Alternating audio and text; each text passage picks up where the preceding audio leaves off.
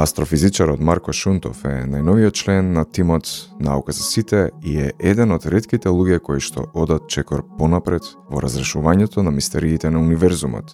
Со любопитност голема колку и самиот универзум, со макотрпна работа и знаење, како дел од Сорбона Универзитетот, ги проучува најдалечните галаксии, заедно со темните невидливи делови кои тивкот леат во утробата на универзумот.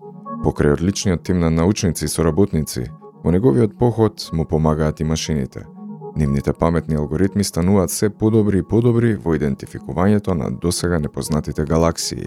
Затоа, не ја пропуштајте волшебната Маркова приказна во оваа 11 епизода од Наука за сите подкастот, во која што тој ја открива во разговор со Атанас Кириаковски.